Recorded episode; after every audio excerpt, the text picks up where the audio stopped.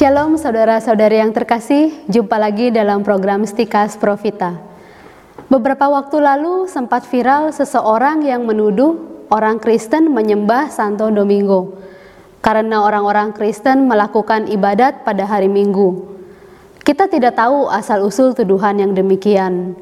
Tapi apa yang kita sebut sebagai hari Minggu sekarang ini sama sekali tidak ada kaitannya dengan seorang santo yang bernama Domingo atau entah Domingo mana yang dimaksud.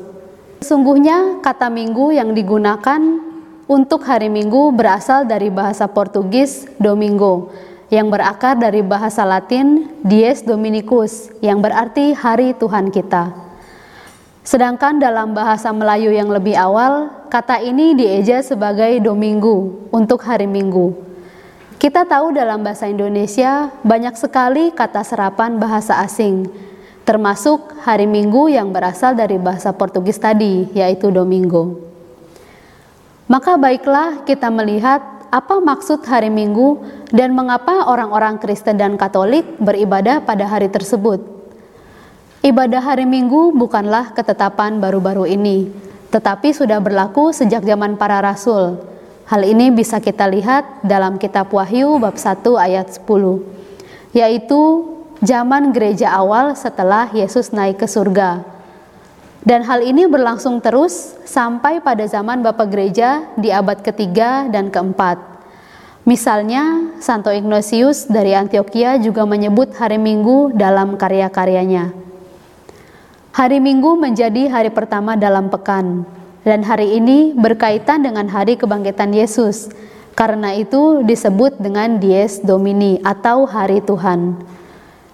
Sejak zaman para rasul, para murid Kristus sering kali berkumpul bersama untuk beribadah dan untuk memecahkan roti. Atau untuk zaman kita sekarang, kita biasa menyebutnya sebagai perayaan Ekaristi.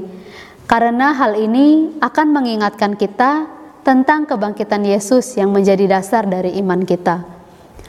Tentu saja, kita juga dapat beribadah atau mengikuti misa pada hari-hari lain, dan dalam kenyataannya, setiap hari dalam gereja Katolik ada misa yang dapat dihadiri umat. Tetapi hari Minggu itu menjadi cukup istimewa karena bagi kita hari itu adalah hari kebangkitan di mana kita merayakan kemenangan Yesus Kristus atas dosa dan maut dan memberi kehidupan bagi kita semua. Maka hari Minggu menjadi hari bagi umat Kristiani, hari yang kudus dan gereja mengundang semua orang untuk berkumpul bersama untuk merayakan Yesus Kristus yang membawa kehidupan untuk kita. Dengan demikian, hari Minggu harus selalu mengingatkan kita akan Tuhan kita Yesus Kristus. Itulah juga hari di mana kita melepaskan rasa lelah kita dari mencari makan dan nafkah selama enam hari. Dan satu hari ini kita khususkan, kita abdikan untuk beribadah kepada Tuhan. Karenanya disebut juga dengan hari penciptaan baru atau menjadi hari rekreasi, hari penciptaan kembali karena kebangkitan Yesus telah memperbaharui dan menciptakan kembali segala sesuatu menjadi baru. Kalau orang-orang Yahudi memiliki hari Sabat dan saudara-saudara kita yang Muslim memiliki hari Jumat sebagai hari ibadah, maka umat Kristen memiliki hari Minggu. Inilah hari yang khusus di mana kita datang ke gereja atau ke tempat ibadah untuk menyembah Tuhan. Sama seperti saudara-saudari kita yang Yahudi dan Muslim. Bukan hari Sabat atau hari Jumatnya yang disembah, melainkan Tuhan. Jadi untuk para pengikut Kristus, bukan harinya yang kita sembah, melainkan Tuhan yang telah bangkitlah yang kita sembah. Maka kita sebagai umat Kristen wajib datang ke gereja untuk misa. Hari Minggu hanya satu kali dalam seminggu, sementara Tuhan sudah memberikan kepada kita enam hari lamanya untuk bekerja, untuk mencari nafkah. Maka janganlah kita sia-siakan satu hari yang spesial ini.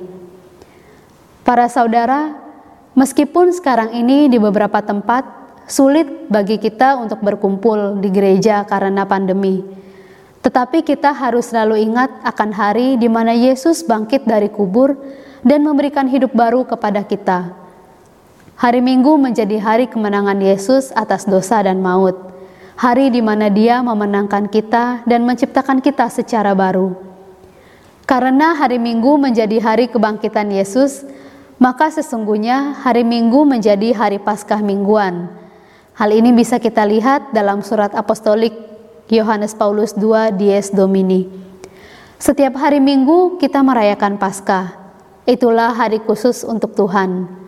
Bagi kita, itu bukan saja hari istirahat, tetapi juga hari yang istimewa, di mana kita diberi kesempatan untuk memberi makanan spiritual kepada jiwa kita. Kita semua diundang untuk menyambut santapan rohani tubuh Kristus di hari Minggu, meskipun hari-hari lain kita juga dapat menerimanya. Semoga saudara mengenal dan memahami kebenaran sehingga akhirnya diselamatkan. Salam Profita.